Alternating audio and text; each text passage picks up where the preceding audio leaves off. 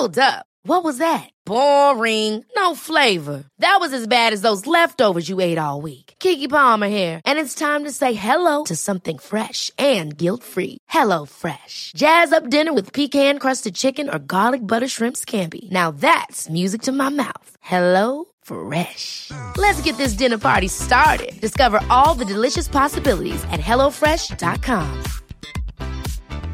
I'm Sandra, and I'm just the professional your small business was looking for. But you didn't hire me because you didn't use LinkedIn jobs. LinkedIn has professionals you can't find anywhere else, including those who aren't actively looking for a new job but might be open to the perfect role, like me.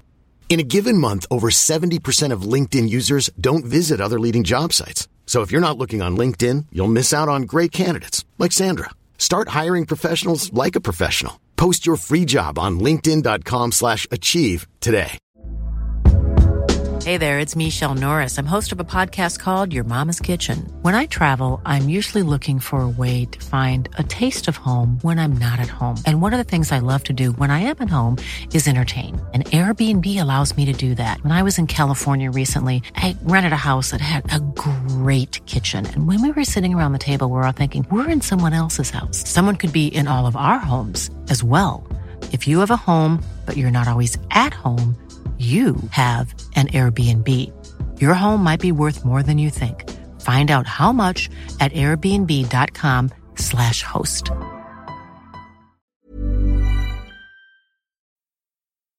Ja, Øystein, er du klar for pod? Jeg er kjempeklar for pod. Kjempeklar for pod. Jeg sitter her med det siste kuppet mitt i mine hender. Så jeg er en blid kar. Ja vel? Ja, ja, ja. Hmm. Kjør i gang, så får vi snakka om det. Ja, det gjør vi. Vi kjører pod.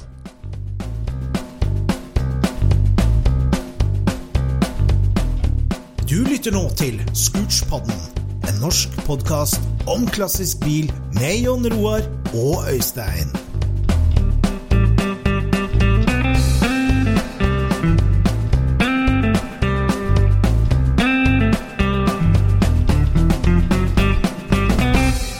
Mine damer og herrer, velkommen til kveldens episode av Scootspodden. Den første og den eneste norske bilpodden om hobbybil. Ja. Vi fokuserer jo mer på bil enn på underholdning, i motsetning til mange andre podkaster.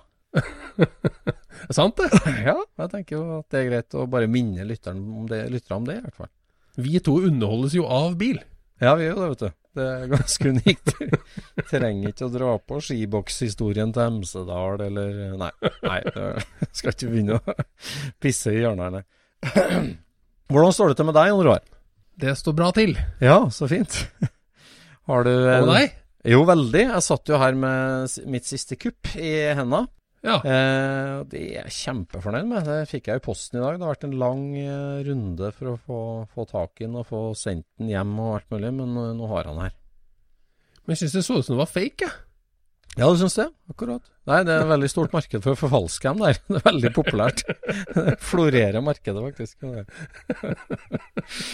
Nei, jeg sitter altså med et, et lite messingskilt, en rund messingbadge, som er Ja, den er sju centimeter i diameter, kanskje. Ehm, Et, et, eh, sånn veldig litt sånn fint lagd, men litt sånn amatørmessig lagd, for så vidt. eh, Veldig artig messingskilt, et rundt et, ja, som eh, Eh, for det her er jo historien om eh, den norske veteran-VV-klubben, Ja. som eh, sikkert mange av lytterne er medlem i, og som vi har vært medlem i i mange år. Men når den ble stifta i 1966, så het jo ikke den veteran-VV-klubben. Da het den klubben Volkswagen-klubben modell 40 45. Ja. Det var navnet på klubben. da. Volkswagen-klubben modell 40 til 45. ja. Eh, I 1966 ble den etablert, den klubben, og det var jo mange som kjenner historien der, men det var jo basert rundt eh, et innkjøp av delelager. Det var en gjeng litt sånn studenter og unge folk som kjørte Kybelhagen til bruksbil. Og så lå det jo igjen et svært eh, lager med deler til Kybelhagen, nye deler som lå igjen etter tyskerne. Som det var eh, først et firma som kjøpte av eh, Direktoratet for fiendtlig eiendom, og så gikk det videre til et, enda et firma i Oslo. Når de skulle rydde opp da i 1964-65 og liksom kvitte seg med alt den gamle kybeldriten, Mm. så var de en gjeng som eh, var vel elleve kanskje, eller noe sånt, som spleisa på å kjøpe det eh, dellageret. Og det ble jo starten på Volkswagen-klubben modell 40-45. Mm. Og den DNA-en der er jo med helt i dag. De har jo et fantastisk delelager. Ja, de har det. Det er rart det der at uh, det er ikke en naturlig ting for en klubb å drive med, men eh, for veteran er det veldig naturlig. Så, men etter en par år da, så fikk de lagd altså messingskilt. Uh, Det ble jo sagt liksom at da var de jo godt under 20 medlemmer, og det var litt sånn å ta opp bestilling på det skiltet. og Jeg snakka med han tidligere formann, Bjørn Fossholm, som fortalte litt om det. Så om det er lagd 15 sånne skilt, eller 10 eller 20, da, men i hvert fall ikke noe mer enn 20. Nei. Stemmer. Og så skifta de jo fort navn, da, vet du. Det var vel allerede i 1969-70 eller noe sånt at de gikk over til å hete eh, Veteran Volkswagen-klubben, eller noe sånt. Det var det første navnet de het. Ja. de dro droppa dere modell 40 til 45. Men i hvert Ja, fall for da fikk du jo lov å ha med splitt etter det, gjorde du ikke det? Ja, gud forby. Ny, nymotens greier. ja, da åpna meg opp for opp til og med 52 først. Og så gikk det hadde gått slag i slag. Nå er det jo annet og kjørt og alt. Og, Ja. og det er jo kanskje bra på mange måter. Men eh, et sånt metall, som messingskilt, er ikke mange av, altså. Og det her eh, fikk jeg tak i. Det var jo et sånt vognmerke for å sette på bilen sin. Mm. Så jeg vet om en tre-fire andre som finnes igjen, men det, det er ikke mange. Og så er det kjempetøft, så jeg skal sette på den 41 kybelen min når jeg får ferdig den. Ja, for du er medlem, altså? Jeg er medlem. Ja. ja. det, nei, men det er artig med norsk. altså det, Volkswagen AG har jo et klubbregister, og de har jo formelt anerkjent den norske klubben som verdens første. ja. Så det er jo fenomenalt. Ja, da er vel det mest sannsynlig ekte, det du har der, da. Ja, jeg tror det, altså. Eh, jeg kan ikke tenke meg at det er noen som har eh, Nei, det, det syns jeg var kjempetøft. Det dukka opp ei sånn frimerkeauksjonsside av alle ting, så, og det, det er så håpløst, for at eh, de er jo så livredde for at kjøper og selger skal finne hverandre uten å betale en skyhøy kommisjon. Ok. Så det, det, er jo, det er jo som en sædbank, der. Det er umulig å få vite hvem som er selgeren. så, så, så uh, whoever you are, takk for en god handel og et godt skip. så, Uten sammenligning for øvrig. ja, uten sammenligning for øvrig. Nei, jeg eh, eh, har brukt mye tid på å bedømme tuteknapper i det siste. Oi, ok. Ny en kamerat som har kjøpt eh, et Empi GTV-ratt, Ja, ja. Mm. og det mangla da tuteknappen. Ja. Og så er det jo sånn at eh, der har jo folk, siden disse tuteknappene er så dyre, så har jo Mm. folk kopiert dem, ikke sant? Mm. Mm. Men Og de ser jo halvbra ut. Mm. Men når du skal kjøpe det, en tuteknapp til rundt en 5000-6000 kroner, Ja. da er du litt opptatt av at den er ekte, og ikke bare Ja. at han sier at den er ekte. ja, ja. Og da er det jo inni denne Inni tuteknappen så er det en blå bakgrunn, oppå den så ligger det da et, eh, et sirlig utskjært eh, messinglogo på de ekte. Nei, Det er jo en, fak ja, det er en faktisk messingbit som ligger i de ekte, ikke sant? Er det? Som de, ja, som de da har helt eh, ja, epoxy over, da, sånn at du ser inn på det, ikke sant? Og det gjør at på en ekte så kan du se sidene av den messingen. Den får en dybde, ikke sant? Ja, så det som vi tenker som gullfarga logo, det er en messing... Ja, det er noe som det. stikker opp av bånd, ikke sant? Jeg skjønner. Ja, ja, ok. Mens eh, kopien, det er jo bare at noen har laga et, eh, et søkk under i form av den logoen, og så har de helt gullfarve oppi der. Mm. Og da får du en mye mer rund form på, på logoen, ikke sant? Sånn at Mm. den Du skal jo ordentlig innpå, og du skal vite hva du ser etter for å se på Mm. dette her, da. Ja. Så jeg har en kompis, da, og han uh, har jo kjøpt dette rattet, og jeg får jo bilder i ett sett, vet du. Er denne ekte? Er denne ekte? Og disse amerikanerne som selger dette her, de sitter på alle de første Ixus-kameraene. Så Ja. dette her er jo så pikselert og så dårlig tatt bilde av som det går an å få det, ikke sant? For å få inn disse 600 dollarene, da. det er liksom Det er, det er helt tragisk at dette er beviset for at dette skal være ekte, liksom. Ja. Så um, Jeg har ikke greid å i skille Nei, har ikke greid å skille Clinton fra Etten. Jo, jeg har eh, skilt mye klint, men vi har ikke funnet noe vi vet ennå. Nei, har ikke det? Nei. Nei. Ikke så langt, i hvert fall. Ja, så de gir seg ut for å være ekte, men så er det Ja, det står at det er ekte. Ja, gjør det det? Men altså, det, det kan hende at de er ekte, da. Det er bare at de klarer jo ikke å produsere bilder som gjør at det går an å se det fra denne sida. Fy flate. det var jo Jeg husker jo for 10-15 år siden, så var det jo, det var jo Da var det mange dårlige reproer, men det var en del veldig bra reproer. Men da var ikke jeg klar over det metallgreia du sier der. Men jeg husker det var en sveitser som lagde kopi, i hvert fall. Og så var det jo ISP West da, som lagde noen håndlaga greier, husker jeg. Ja, Så- men de sto det vel Sto det ikke flat four på de, da? Nei, gjorde kanskje ikke det. Nei. Nei, Flatfall kjørte jo en sånn svart plastring rundt, så det så jo helt dust ut, husker jeg, når de kom. Var Ja, ja, stemmer det. Stemmer det. De ja. har jo ikke den alu, dreide aluringen. Det er det som er, vet du, at sjøl med den eh, teknologien vi har i dag da, til å eh, drive småserieproduksjon, liksom, så blir det Det er for vanskelig å få det likt, liksom, for det er så fint gjort, det første. Det du skal kopiere, er liksom Det er jo antakelig gjort av noe slags gullsmedshow, liksom. Ja. ja, det var på en tid der timeprisene var litt lavere enn Ja. i dag. Ja. Mye av sånt som det der ble gjort i Mexico, de California-sjappene som sånn håndarbeid, pirkearbeid som det er der. Eh, Mm. Hvem var det? Ja, ja. Ja, det var det Chris Morley òg, som fikk gjort noe sånn baklysringer og greier. Det var jo sånn satt en, satt en meksikaner og håndbanka, noe sånt knøttsmå alugreier. Ja. Så Ja ja, nei, sånn er det. Ja. Jeg har eh, dratt på meg litt boksterfeber, da, så jeg drev og fordypa meg i det temaet litt, jeg nå. Ja. Det er stadig ting å lære. Uff, jeg blir så nerd, vet. Jeg blir jo bekymra, men sånn ja. Får du satt deg ordentlig inn i dette her? Er du interessert nok? Nei, ja, det går litt sånn i bølger, men eh, jeg har tatt et rykk i dag nå, på type 986.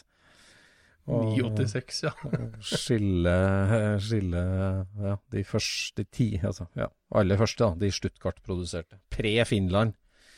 Pre-Finland, ja, for det er laga Ja. på Valtra, de òg? Ja, de er det. Så, men kan si første trekvart året så var det bare Stuttgart, da. Men da lagde de ganske få, for det var litt sånn halvprototypelinje, eller pilotserielinje de brukte da, i Stuttgart for å lage dem. Og så fikk de Helsinki, eller Olkiloto, er det vel da. Nei, Olkiloto. nå blander jeg jobbene mine. Det ja, i hvert fall Valmet, ja. I Finland. eh, i, I gang i midten av 97, ja. Hmm. Jeg søkte på noe Valtra her i går, jeg også. Mm. Det var noe så utypisk som en Saab 900 CD. Aha. Det er, det er rare greier, altså. Saab fant ut at eh, 900 var litt for liten, Ah, ja. så de strekte en, eh, strekte den 20 cm. Og det gjorde de ved å dele eh, fordørene og bakdørene og legge inn 10 cm. Nei. Jo. Ja, og, og så skulle de produsere en sånn bil, eller? Ja, de produserte sånne biler. Gjorde de det? Ja, ja. Og det var et stort sånn Og eh, lagde ikke, nye, nye presser De sveisa inn ei stripe midt i? Eh, Nei, egentlig ikke. De bare skjærte dørene sånn eh, 10 Ja, ok. okay. Omlott, og så sveisa de sammen to stykker. Å, så når du ser inni de, så ser du at eh, det er to sånne litt sånn kjønnsvake skruehull i døra. De bare gjentas da med 10 cm mellomrom. altså en Nei. sveis derimellom med myggen. Å, gud bedre. Og de ble lagd og Svalmet, eller? Nei? jo, jeg tror det. Ja, Eh. Eller, ja, det, det vet jeg jo ikke helt, da, men jeg tror det. Mm. For de var laga i Finland, i hvert fall. Nei, for det er som når, når Porsche trakk kontrakten hos Valmet, vet du, og de eh, reiv den fabrikken, og, eller tømte den fabrikken, da. Vet du hva de begynte å produsere der da? Um, når Porsche gjorde det, hva Mm. begynte de å produsere? Mm. Sikkert noe cab-greier. Mm, nei. Da okay. henta de produksjonsutstyret sitt på Aurskog. Begynte du å lage Think? Ja, da ble hele Think-produksjonen flytta inn i Boxter-fabrikken eh, hos Valmet. Ok. Så dem, eh, det er helt Ja, det er akkurat den linja som ble brukt til Valmøtten. Den produserte da ca. 1500 av de 2500 tinkene som eh, ble lagd. Mm. Så- Måtte de lære seg rotasjonsstøping, de òg, da? Nei, da var det over på vakuumforma ABS-plast, karosseriet på Think. Å ja. Mm. Er det bare de første som er rotasjonsstøpt? Ja, ja, første fire generasjonene er rotasjonsstøpt, men femte generasjon er vakuumforma ABS. Men en ting som jeg lurte på med rotasjonsstøping, det er at du får jo en innside også. Mm. Er det den andre sida av bilen? At du deler den med sag imellom? For det blir jo en sånn Du, du blåser jo opp slags ballonger, gjør du ikke det? Blir det ikke sånn det blir når du Jo, jo, jo, du har jo en, ett verktøy som er begge framskjermene, ja, og ett verktøy Ja, som er ett, begge ja. dørene. Ja, i ett. Ja, ja, ja. Mm, mm, For ellers måtte det jo altså- blitt veldig mye å kaste, liksom. Ja, ja, ja. Nei, nei, nei, nei. Du, du lager fellesformer for alt det der. De- Begge bakre quarterpanelene ble jo lagd i, i ett stykke, og dørene Så en NOS bakskjerm rett fra fabrikken, det er to bakskjermer, det. ja, det I en sånn pose. Ja, ja, ja. Og den trimlinja der, da, vet du, den var jo gjenstand for uendelig bråk, da, vet du. For det å stå med en dremmel og del det der og skjære det, det var jo noe sånn kappeverktøy da du la den bobla inni en kappemal, og så skar du langs en kant. Men Ja. det ble uendelig små hjørner og svinger og krinker og kroker og høl til dørhåndtak og høl til blinklys og sånn som ble liksom Det var mandagsbil og tirsdagsbil her, altså. Det var det, jeg må si det. Ja, men, det men, det gikk, men det som er komisk, er vel at det var mandag på ene sida av bilen og tirsdag på andre sida, da. For Nei, nei, vi, lag, vi for- lagde flere titalls hver dag. Nei, vi Ja, ja, de gjorde det, ja. Vi gjorde ikke helt det, altså. Men uh, ja, da, det var mye manuelt arbeid akkurat på det karosserigreiene. Ja, det var det helt sikkert. Ja, det vil jeg tro. Men nå er det avsporingen. Det er jo en hobbybilpod. Ja, men Think er jo hobby for noen nå, er det ja, ikke det? det er det, altså. Det, og det blir det for fullt. For det er ikke bare norsk historie, ikke bare er det liksom litt sånn banebrytende bilkonsept, altså det med liten toseter bybilkonsept, men nå når elbilisme har blitt massebilisme, så er jo ur-elbilene enda mer interessant. Så- Enda mer. ja, så Nei, men jeg merker ganske stor eh, Men altså, det har vel kanskje med hvor mange som er igjen å gjøre, da, men jeg fulgte jo med ganske mye på Høgge-nettsida og sånn, på alle tingene som ble hogd opp igjennom, og det har avtatt enormt, altså, med antall som kommer Ja. Det har det, men eh, nå er det jo mindre på veien nå, da, så det ja. mm. Men eh, jeg hørte jo på en annen eh, norsk pod her, og de hadde eh, et spørsmål til, til lytterne. Og det var hva er det rareste bilkjøpet du har gjort? Ja. Mhm. Og det, det gjorde at jeg kom på en historie som ikke var så rar da, kanskje, men som sett sånn i, i etterkant er, er litt spesiell. Ja, tenker du, nå begynte jeg å tenke på at et av de rareste jeg har vært med på som du har kjøpt, det er jo den derre 49-en din, som lå på eiendommen din i 40 år før du valgte å hente den. Ja, der kan vi virkelig snakke om, om eh, et, um, en bil som er ganske dyr i forhold til hvor bra stand den er. Eh, snakker du 49 nå, eller snakker du Ja, ja, ja. Ja, ja, ja. ja. Mm. Den, Det er ikke mange biler i den stand som runder en million. nei, det er ikke det. Men uh, ja. Nei, det var ikke den jeg tenkte på. Uh. Dette her begynte med at jeg reiste til uh, Spa Francochamps på VV Bugshow i 2002. Ja. Der møtte jeg en franskmann. Ja. Han, Bare- én? Hva sa du? Bare én? Jeg snakka bare med én okay. franskmann. Snakka bare med Ja, skjønner. Uh, og han, uh, han kjente jeg litt fra før, da, for at han var medlem i, i den klubben vi hadde starta, som het uh, Gas Burners International. Ja, det stemmer. Ja. Eh, I hvert fall, han dro ei skikkelig skrøne ut på kvelden der om hvor billig han hadde fått kjøpt 1303-caben sin. Jaha. Og han eh, Det var jo en ekte svart fransk eh, 1303 cab, da. Ja. Um, og den hadde jo liksom han kjøpt for eh, Ja, hva er det det var for noe? Det var 5000 kroner eller et eller annet, da. Oi. Og shina opp dette greiene her sånn på et par, eh, par uker, og så kjørte han jo da til treffet i den. Ja, gjorde de? Så vi gikk også og kikka på den der bilen her sånn, og så da sier jeg hva skal du med den etterpå, da, sier jeg. Ja. Nei, han hadde jo flere, så han skulle bare selge den her. Ja. Jeg sier, men Da må du si fra hvis du skal selge den, for da blir den jo ikke så dyr, sier jeg. Ja, Angrer han på skrytinga si? Ja, da kan du angre lite grann, da, vet du. Og så, og så gikk det Gikk nok en måneds tid eller noe sånt, og så sendte han meg en eh, melding, da. Ja. Og sa at eh, hvis du drar til Tønsberg og kjøper en dobbeltkabiner til meg, så kan vi bytte, sa han. Hæ?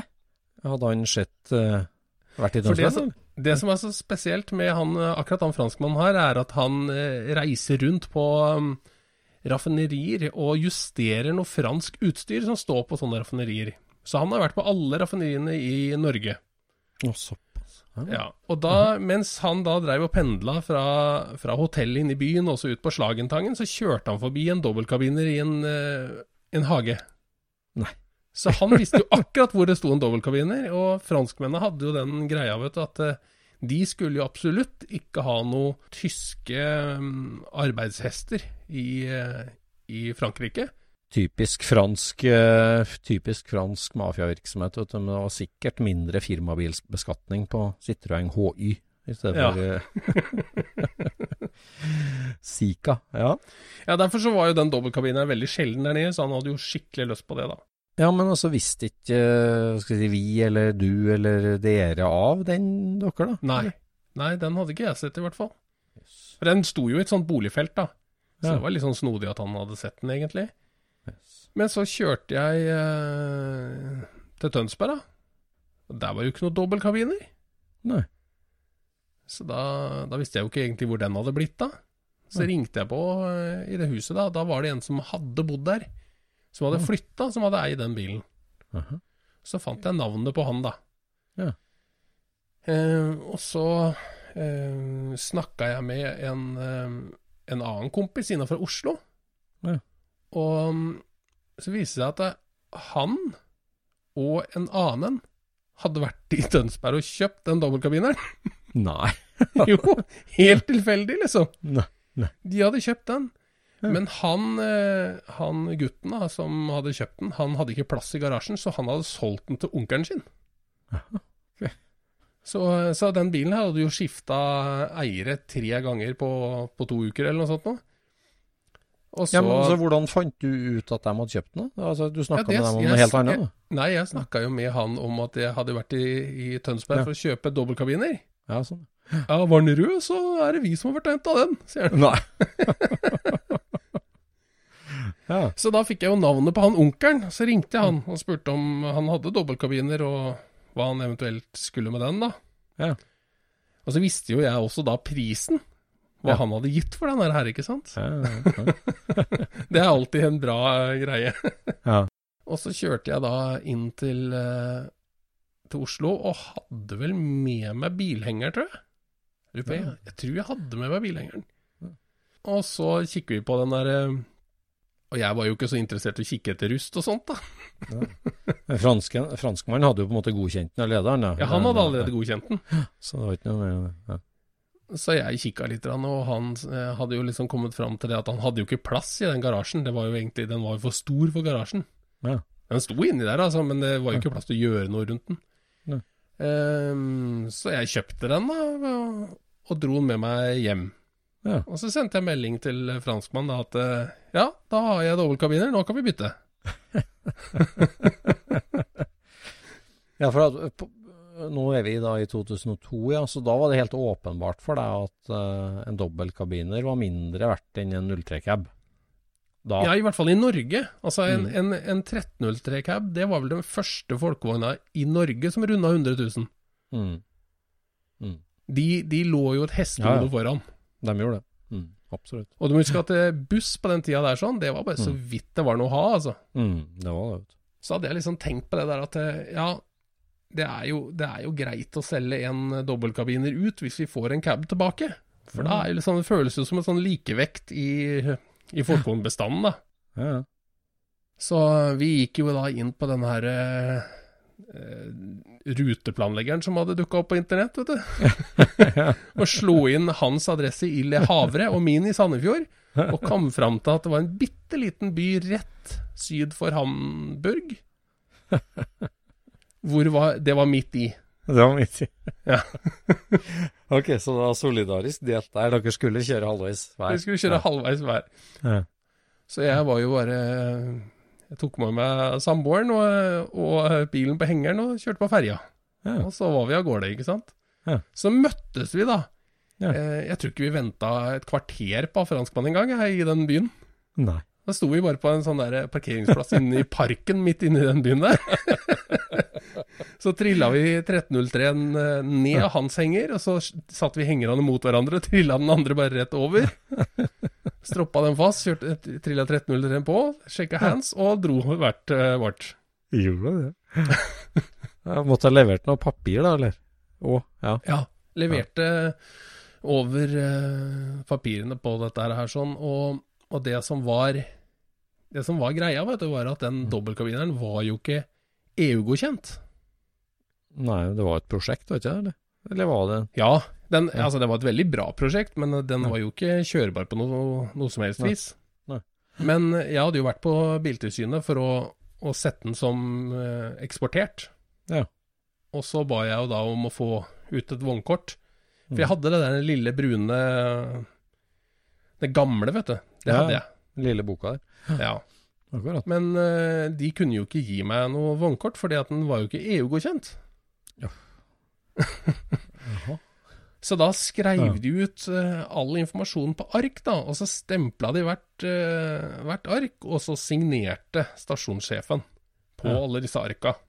Akkurat. Så da var det ikke noe problem å få den uh, godkjent i Frankrike, da. Så jeg overleverte det her til han franskmann og sa at her, er, her er et gammelt type vognkort. Det er ikke sånn de ser ut i dag, men her har du all informasjon som skal inn på det nye. Ja. Og han sa takk og hei, ikke sant, og dro av gårde. Men så hadde du ordna ei slags salgsmelding til deg, da? Eller fra han onkelen, da? Eller uh, Ja ja, ja da. mm, Så den, den sto jo på meg, ikke sant. Ja, sto på deg. Uh, og så um, Så gikk det et par uker, da. Og så ringer han franskmannen. Ja. Ja, jeg får ikke registrert den bilen. Nei.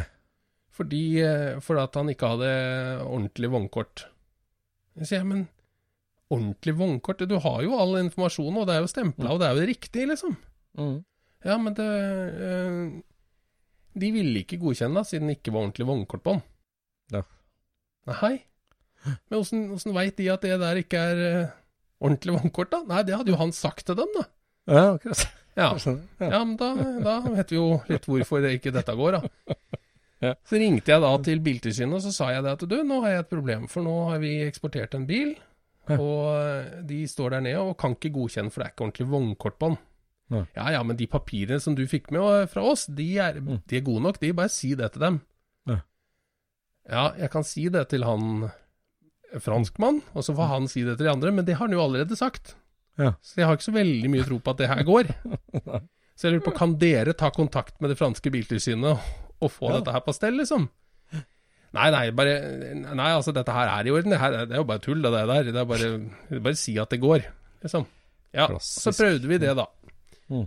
Og de eh, sa jo bare det samme tilbake, at eh, nei, det går ikke så lenge det ikke er ordentlig vognkort der. Ja.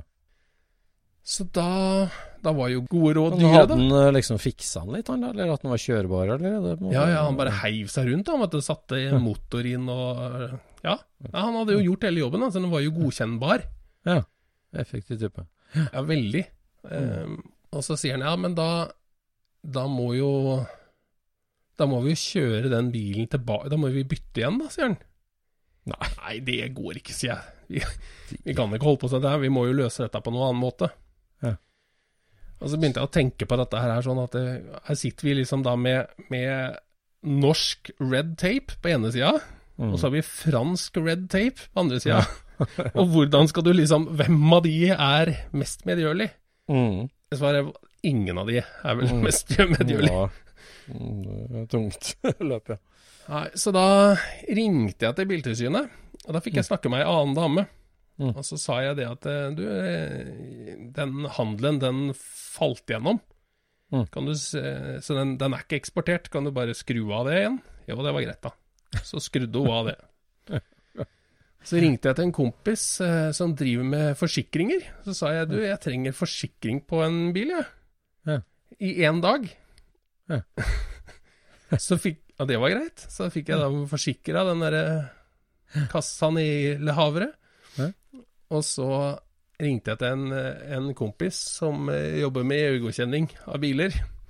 Så sa jeg hva heter han, da? Nei. Det kommer ikke ut.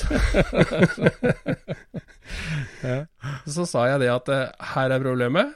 Den Mm. står i Frankrike. Den kommer aldri tilbake til Norge. Mm. Den har gått gjennom kontrollen der nede, Mm. men ikke, ikke kunne registreres. Mm. Kan du gjøre meg den tjenesten og godkjenne denne her? Ja ja, sa han gjorde det, da. Og så var det da å kjøre til, eh, til Biltilsynet Mm. med Forsikring. Med forsikring. Ja. Og så var det da eh, å betale eh, denne her eh, omregistreringsavgifta, eller hva det var for noe. Mm. Så jeg måtte jo gjøre det òg. Ja. Og så så eh, sier jeg ja, da er alt i orden. Da skriver jeg ut vognkort. Sier hun skal vi bestille skilt til deg? Nei, du, det ordner jeg sjøl, sa jeg. og så skrev hun ut det der vognkortet. Ja. Så sa jeg det. Nå kan du sette at den er eksportert, sa jeg. Sa det? oi, oi, oi. Det, det. Det det bare ringt om at hun ja. Ja, det kan hende at det var det jeg gjør. Jeg husker ikke dette her helt eksakt. Det er 20 år siden, liksom. Men i hvert fall så var det bare én rask faks ned til, til Frankrike, og så avbestille den forsikringa. Og så var den registrert i Frankrike. Pust ut. Og når du ser på dette her, vet du, så har jeg da importert, Mm. forsikra, EU-godkjent, registrert og eksportert i løpet av fem timer, ikke sant? Oi, oi. Men han franskmannen var jo kjapp på ballen og fikk godkjent. Men uh, 03-caben, eh, du, du vet jo ikke hvordan papirbombe som ligger og venter på deg der, da. For den Ja, ja, men den har jeg faktisk Den har jeg tatt inn. Ah, ja. Så den, den, er, den er fortolla, og den står på meg. Så når jeg går inn på, eh, på mine sider på Vegvesenet, så står den der, den. Ja, jeg gjør det. Okay. Så du har eh, Ja. Den har Men hvis den var på Sparshowet da, og var fullt kjørbar, så den er ganske i orden? Jeg har liksom tenkt at den var Ja, men han beholdt motoren. Ja. Eh, og så har jeg satt en annen motor inn, så jeg har jo vært og kjørt med den. Ja, du har det? Ja. Ja. Men eh, ja, så det er vel en av Norges billigste Ja, det- 1303-caber, det er det jo, men eh, det tror jeg. Ja, red tape på, red tape på grensa eller eh, i forskjellige land, det, åh, det der har jeg så respekt for. Også der, når vi var yngre for 20 år siden, kan si, så, så, så kjørte vi jo litt uh, fritt på en del ting. Men oh. gud bedre når jeg, jeg, jeg skulle jo ha Rommertsen. Uh, den var jo på aluminiumsmassasje i eh, Tyskland. Ja. Og eh, da hadde jo jeg ordna alt her. Eksport, midlertidig utførsel for jobb som skulle gjøres i utlandet. Og det var jo Alt skulle gjøres på kvittering, og det skulle være i orden og alt sammen. Og jeg hadde gjort den kjempejobben. Og kjørte om bord i Kiel-ferga, og vi hadde en kjempehyggelig start på turen. Jeg, hvem som var med da? Var det Rune, antagelig? ja, det tror Og- jeg. Å kjøre av Kiel-ferga og kjøre rett i fella, altså, skulle jeg si. Da var det tysk toll som så at det var prosjektbil på hengeren. Og det var altså starten på først et sånt døgn, da, med nærmest et mareritt, må jeg si. Og, og egentlig flere måneder med jobb, altså, for å få den hjem igjen i god behold. Og det var, det var helt vilt, altså. Da fikk jeg respekt for tyske toll- og politimyndigheter, altså. Ja. For eh, den bilen var jo, sant, den var jo importert fra USA eh, på sånn wrecked title, og hadde jo det norske melding til godkjenning, så, men den var jo på langt nær visningsklar. Og, og det viste seg at den skulle ha vært skulle selvfølgelig midlertidig innføres i Tyskland, så jeg ble jo stående der. da, Vi satt jo der i sju-åtte timer vi og krangla med dem. Vi måtte jo egentlig deponere full eh, moms, da. Og da skulle de ikke, var jo ikke noe proforma-fakturaverdi. Da skulle de ha forsikringsselskapverdien. Måtte jo først uh, finne fram dokumentasjon på hva jeg hadde forsikra på. Og det var jo ikke småpenger, det. Så det betalte moms på det. det. det. var ikke akkurat det jeg hadde på kortet, for å si det sånn. Så, så, nei, det var et mareritt. Men uh, til slutt så gikk jo det, da. Med et uh, tysk firma som tok ansvaret for den. da, Eller det firmaet tok jo ansvaret for den da, på søndag med faks av uh, Måtte fakse passet sitt og firmaattest og alt mulig oppover. Ja. Vi kom igjennom, men toll og grensepassering, det, det må en bare gjøre riktig. Det, altså. det var ikke noe forsøk på å gjøre noe ikke riktig heller. Jeg trodde jeg hadde gjort alt riktig. Det var det som var problemet. ja. Så. Men import og eksport, da. Du har ikke noe, du har ikke noe dårlig samvittighet for å ha gjort Norge en dobbeltkabiner fattigere? Jeg tenkte jo litt på det den gangen, da. Åssen ja. dette her uh, lå an. For at uh, folk har det jo liksom med å skule på deg hvis du har eksportert et eller annet. Ja. Men jeg tenkte liksom, ja, så for meg ja, Norge blir jo én cab rikere, liksom. Da, da, må jo det være greit. Ja, ja. nei, det, det, er jo sånn det fungerer ofte. Men ofte så uh, Ja, du blir jo dømt. Det er klart det har vært mye diskusjon rundt det her, da, med at vi eksporterer det som er den egentlige kultur- eller bilfloraen. Og, og, altså, ja. uh, og, og, så tar vi hjem liksom glansbilder av en helt annen type biler enn det vi egentlig hadde. Ja. Men uh, det er jo lett for bilentusiaster å lage seg sånne forklaringshistorier på hva som er logisk og hva som er riktig. ja. Hva, som, hva, vi bare må gjøre, liksom. Ja, det der, altså. Med ja, enten det er liksom import og eksport, eller uh, hvorfor bygger jeg om den bilen her sånn som det her? Eller hvorfor restaurerer jeg den på den måten her? Eller der, vi, vi, er mestere, Hvem er det vi altså. egentlig driver og lager disse historiene for, egentlig? Ja, For min egen del så er det jo, det er jo mest for meg sjøl, vil jeg si. Altså for, for altså det der å liksom justify, da, eller hva skal jeg si, hva heter det på norsk? Altså Lag ei begrunnelse for hvorfor jeg må kjøpe den bilen der, eller hvorfor jeg må gjøre akkurat som jeg gjør. For det er jo alt det vi driver med, er jo ulogisk, egentlig. Det ja. jo Men det begynner jo egentlig med lysten. At du har lyst til å gjøre et eller annet. Ja, jeg har uendelig lyst til det. Og så har du liksom noen argumenter imot det, ikke sant. Du ser ja. for deg hva folk kan mene, eller hva, det, hva skjer med bilfloraen, eller, ja. eller hva, hva, skjer med originaliteten, eller altså Alle disse tinga. Ja. Eh, og så så må du da finne på en god grunn til at ingen av de tinga der egentlig gjelder. Og det der med at det, ja, det er, jo, det er jo din bil, gjør hva du vil, den holder ikke langt, altså. Nei, ikke oppi hodet på deg sjøl. du vil gjerne ha litt bedre unnskyldning enn det. Ja. liksom. ja, men den bilen her var så dårlig, vet du. Alle trodde den var så fin, men den var jo ja. bare rust i kanaler. Ja, Alt mulig var så dårlig. det var umulig å få det registrert i karosseri her som originalbil. Men kjempelett å få ut som småtråd. Det var ikke noe problem. ja, ikke sant? Da, da var ikke noe russøysing, da, når det var våtråd.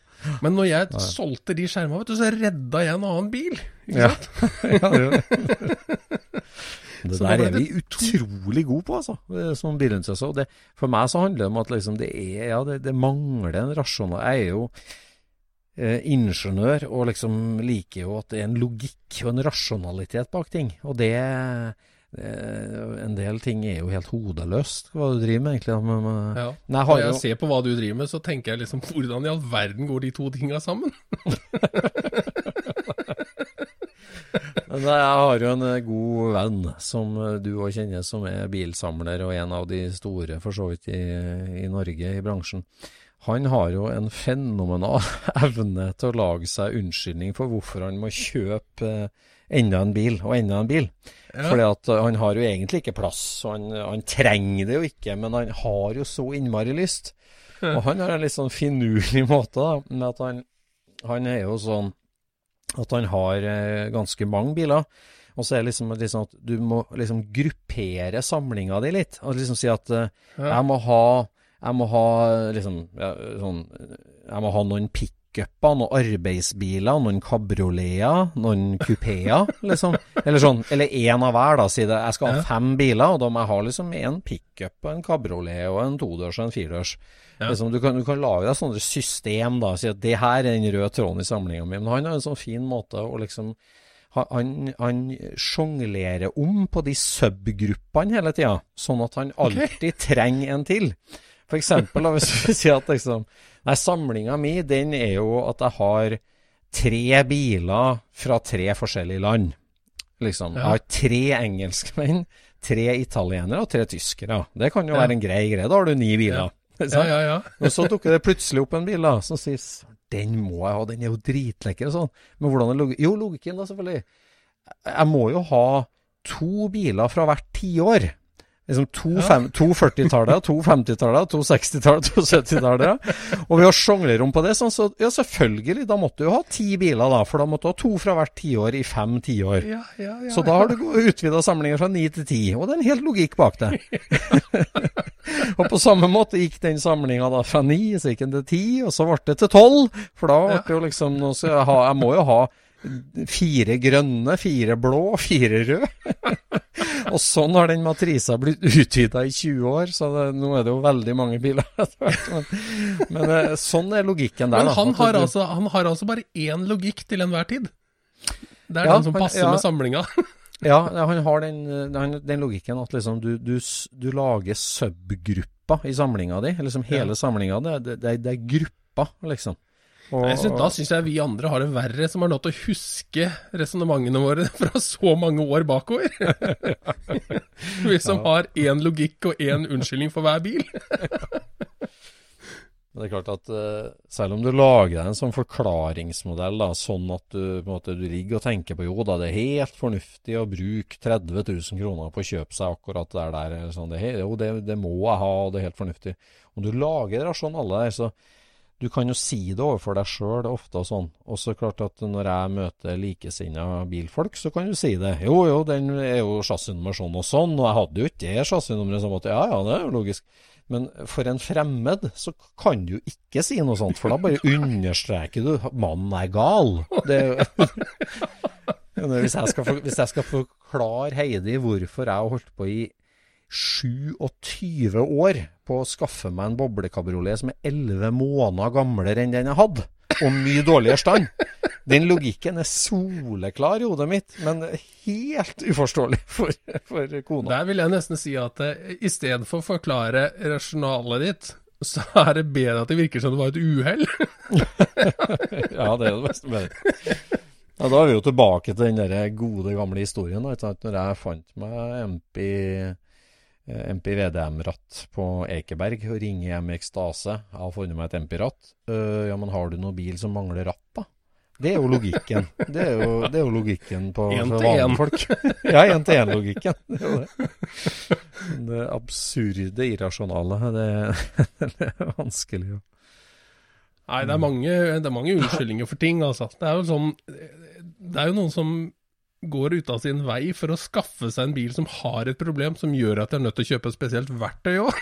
Ja, det, og der er jo litt du, er ikke det? Du, eller jo, litt, lite grann er jeg jo det, men ja. jeg kjøper jo ikke så mye bil, da. Men jeg finner en grunn til å kjøpe verktøy likevel. Ja, ja, ja.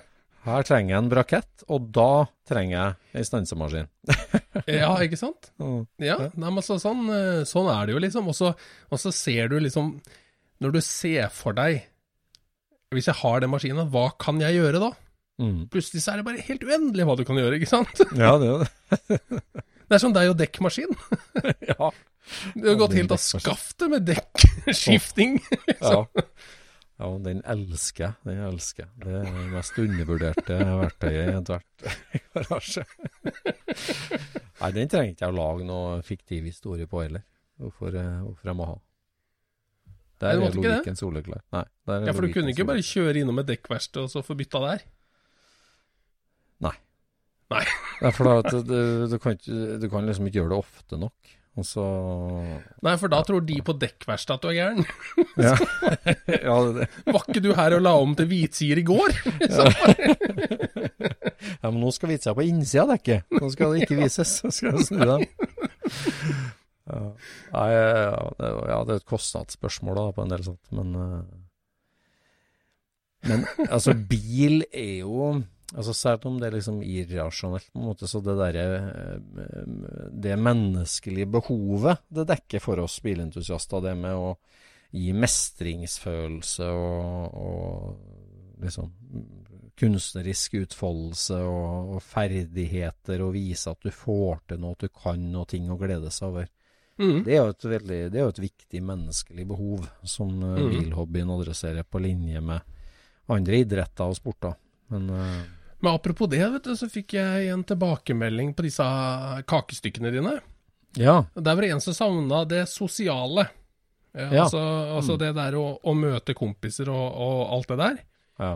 Eh, og så diskuterte vi det, jeg og han diskuterte dette her litt, og da Jeg mener jo det at eh, det er så stor del av mitt liv som dreier seg om de bilkompisene jeg har, mm. at jeg føler at det blir et lag som er over hele kaka.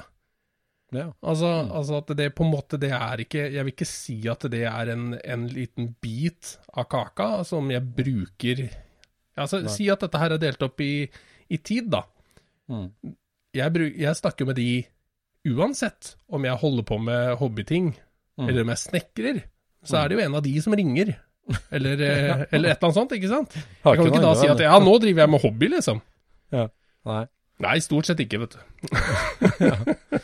Nei, men det er sant, ja, at det er mer enn et kakestykke, så er det en slags glasur som ligger overalt. på en måte. Men, ja, det blir jo det. Det blir jo altomgripende. Ja, det blir det. Så det sosiale er enormt viktig, og uten det, så ja, da, da er du en klovn uten scene. ja. ja, det, altså. Ja, nei, vi må foredle den der kakemodellen litt. Vi må det. det er flere som har snakka om kakestykker og størrelser og sånn, men vi må, må foredle den litt. Og få lagt det ut til allmenn spott og spe. ja. Altså det å lage seg livsløgner som eh, Eller for, forklaringsmodeller er det jo egentlig, for løgn ja, det er, det, er jo litt feil å si. Det er jo bare at liksom Det blir jo en litt sånn intrikat forklaring. Og tenker eh, eh, Vi gjør det jo alle sammen med bilentusiaster, men jeg, jeg tror ikke vi er noe bedre enn eh, dem som driver med golf, eller dem som driver med fotball. Altså hvorfor skal du dra med gutta på ManU-kamp i England, og ikke familien på Madame Tussaud, liksom. Det er jo Her er jeg helt blank. Jeg vet, aner ikke. Nei, men altså, det er jo like du, du, bygger deg en slags sånn rasjonell modell da, på at det her er riktig. Det, det, ja. Og det er, jo, det er jo, en, det er en menneskelig egenskap. Altså det, det, er jo en, det er jo noe vi gjør eh, som mennesker, mer enn som bilentusiaster, tenker jeg. Ja, ja, ja.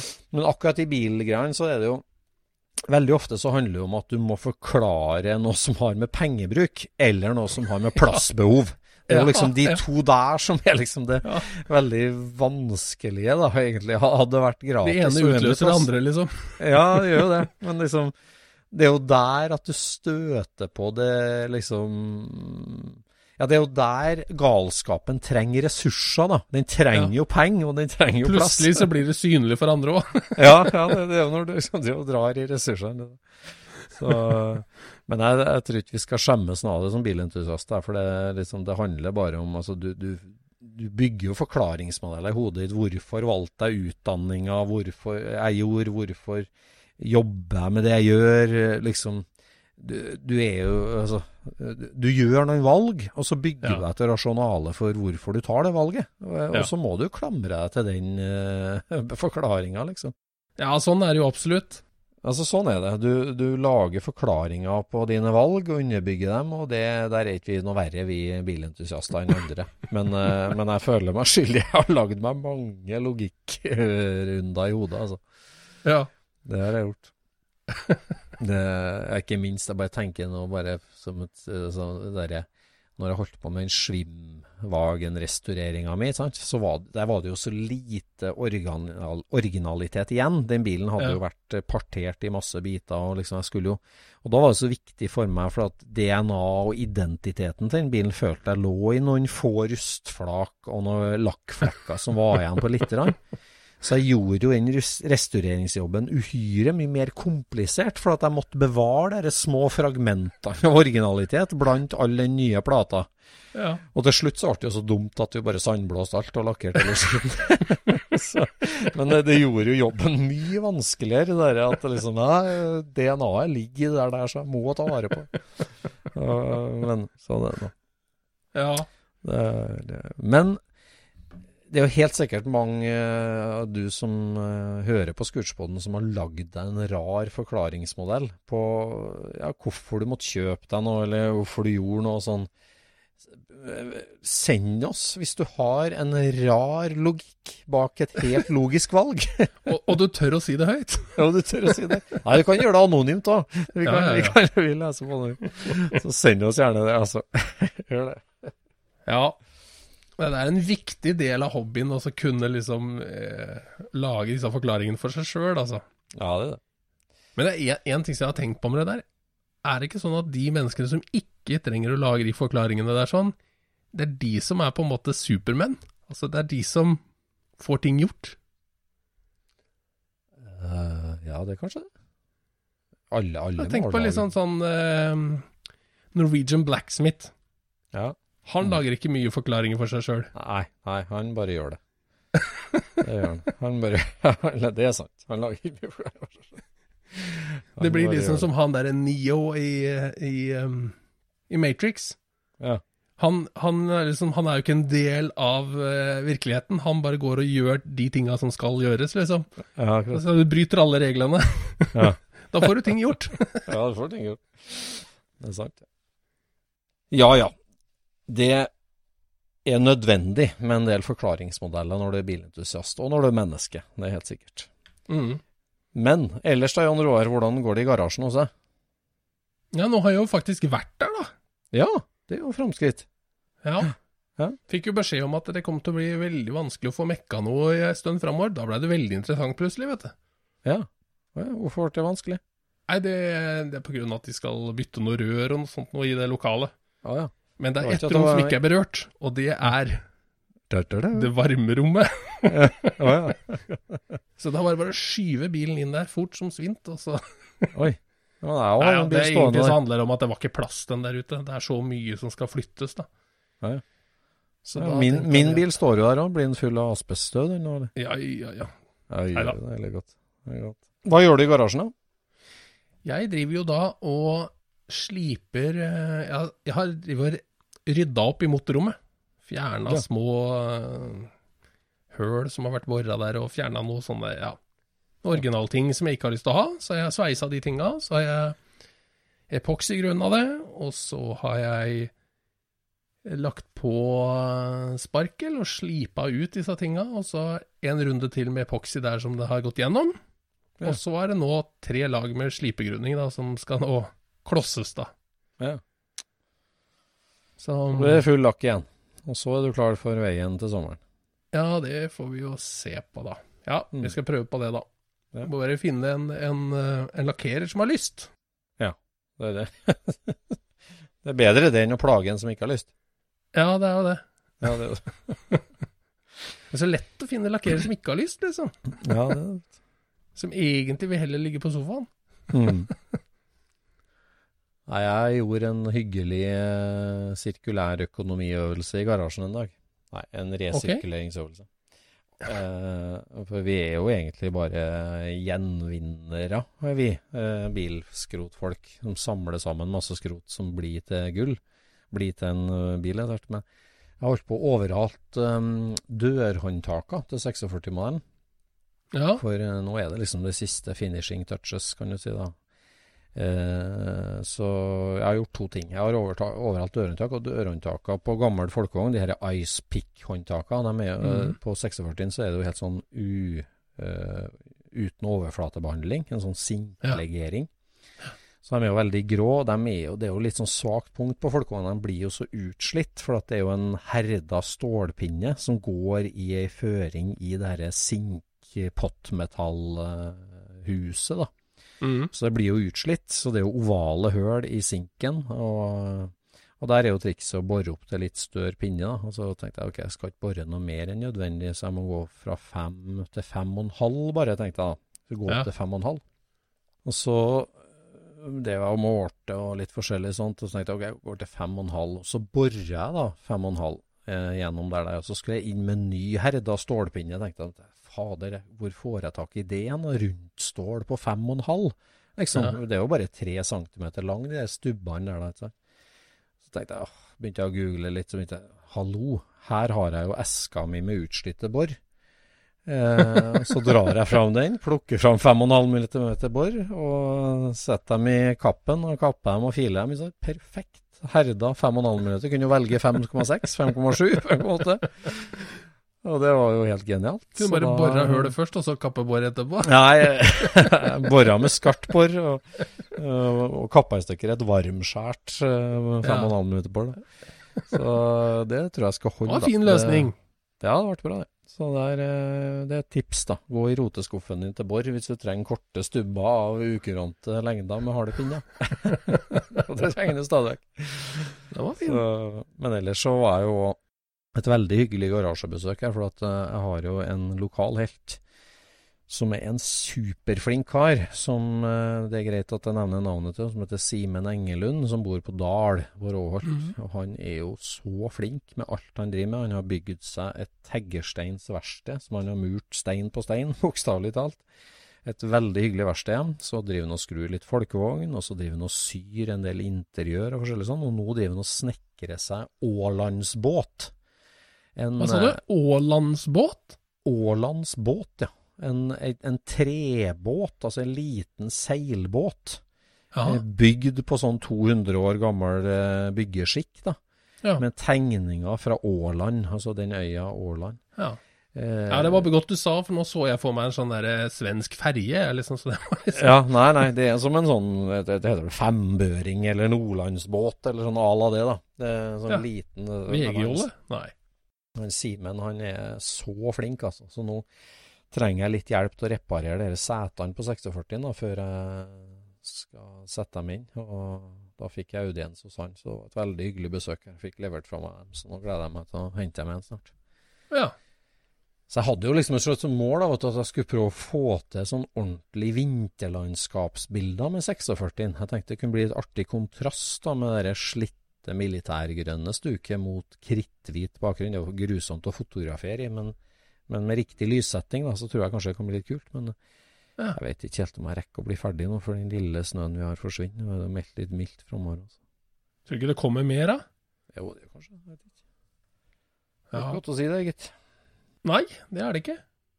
Men eh, noe som er godt å si, det er Ja. at vi har fått et par nye patrons. Ja, akkurat. Det er hyggelig.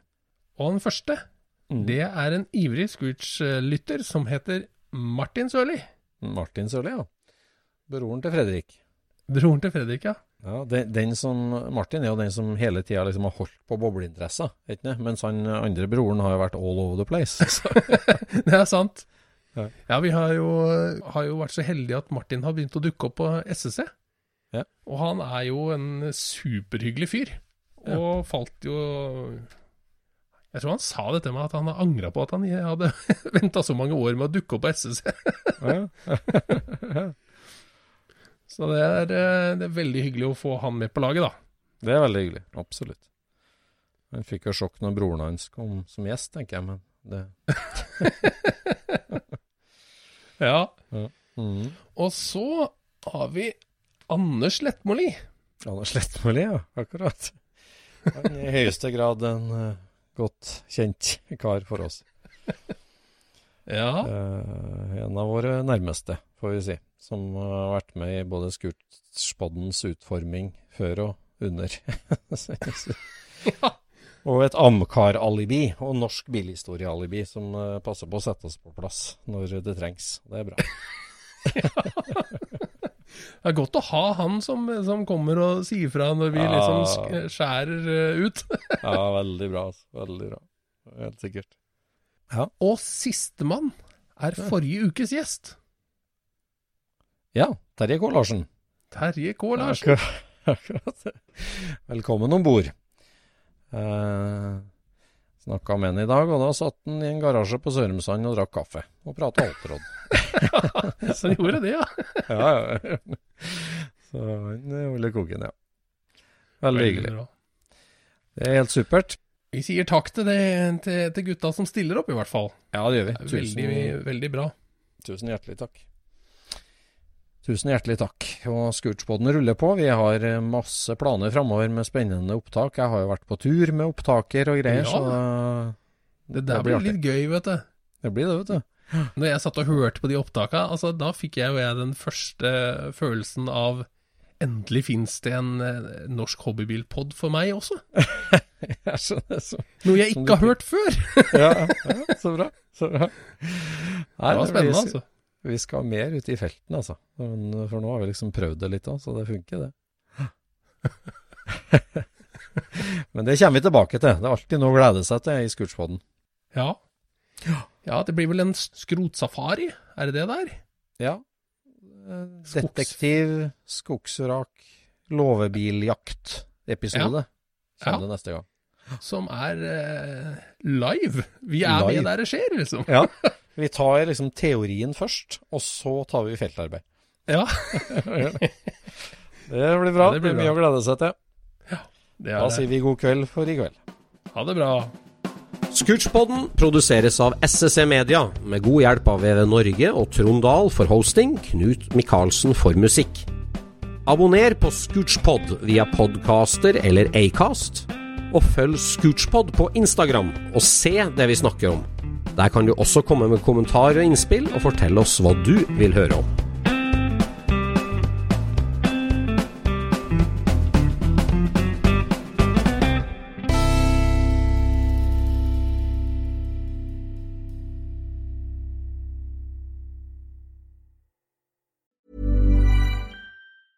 Planning for your next trip? Elevate your travel style with Quince. Quince has all the jet setting essentials you'll want for your next getaway, like European linen, premium luggage options, buttery soft Italian leather bags, and so much more. And it's all priced at 50 to 80% less than similar brands. Plus, Quince only works with factories that use safe and ethical manufacturing practices. Pack your bags with high-quality essentials you'll be wearing for vacations to come with Quince. Go to quince.com slash trip for free shipping and 365-day returns. Hold up. What was that? Boring. No flavor. That was as bad as those leftovers you ate all week. Kiki Palmer here, and it's time to say hello to something fresh and guilt-free. Hello Fresh. Jazz up dinner with pecan-crusted chicken or garlic butter shrimp scampi. Now that's music to my mouth. Hello Fresh. Let's get this dinner party started. Discover all the delicious possibilities at hellofresh.com.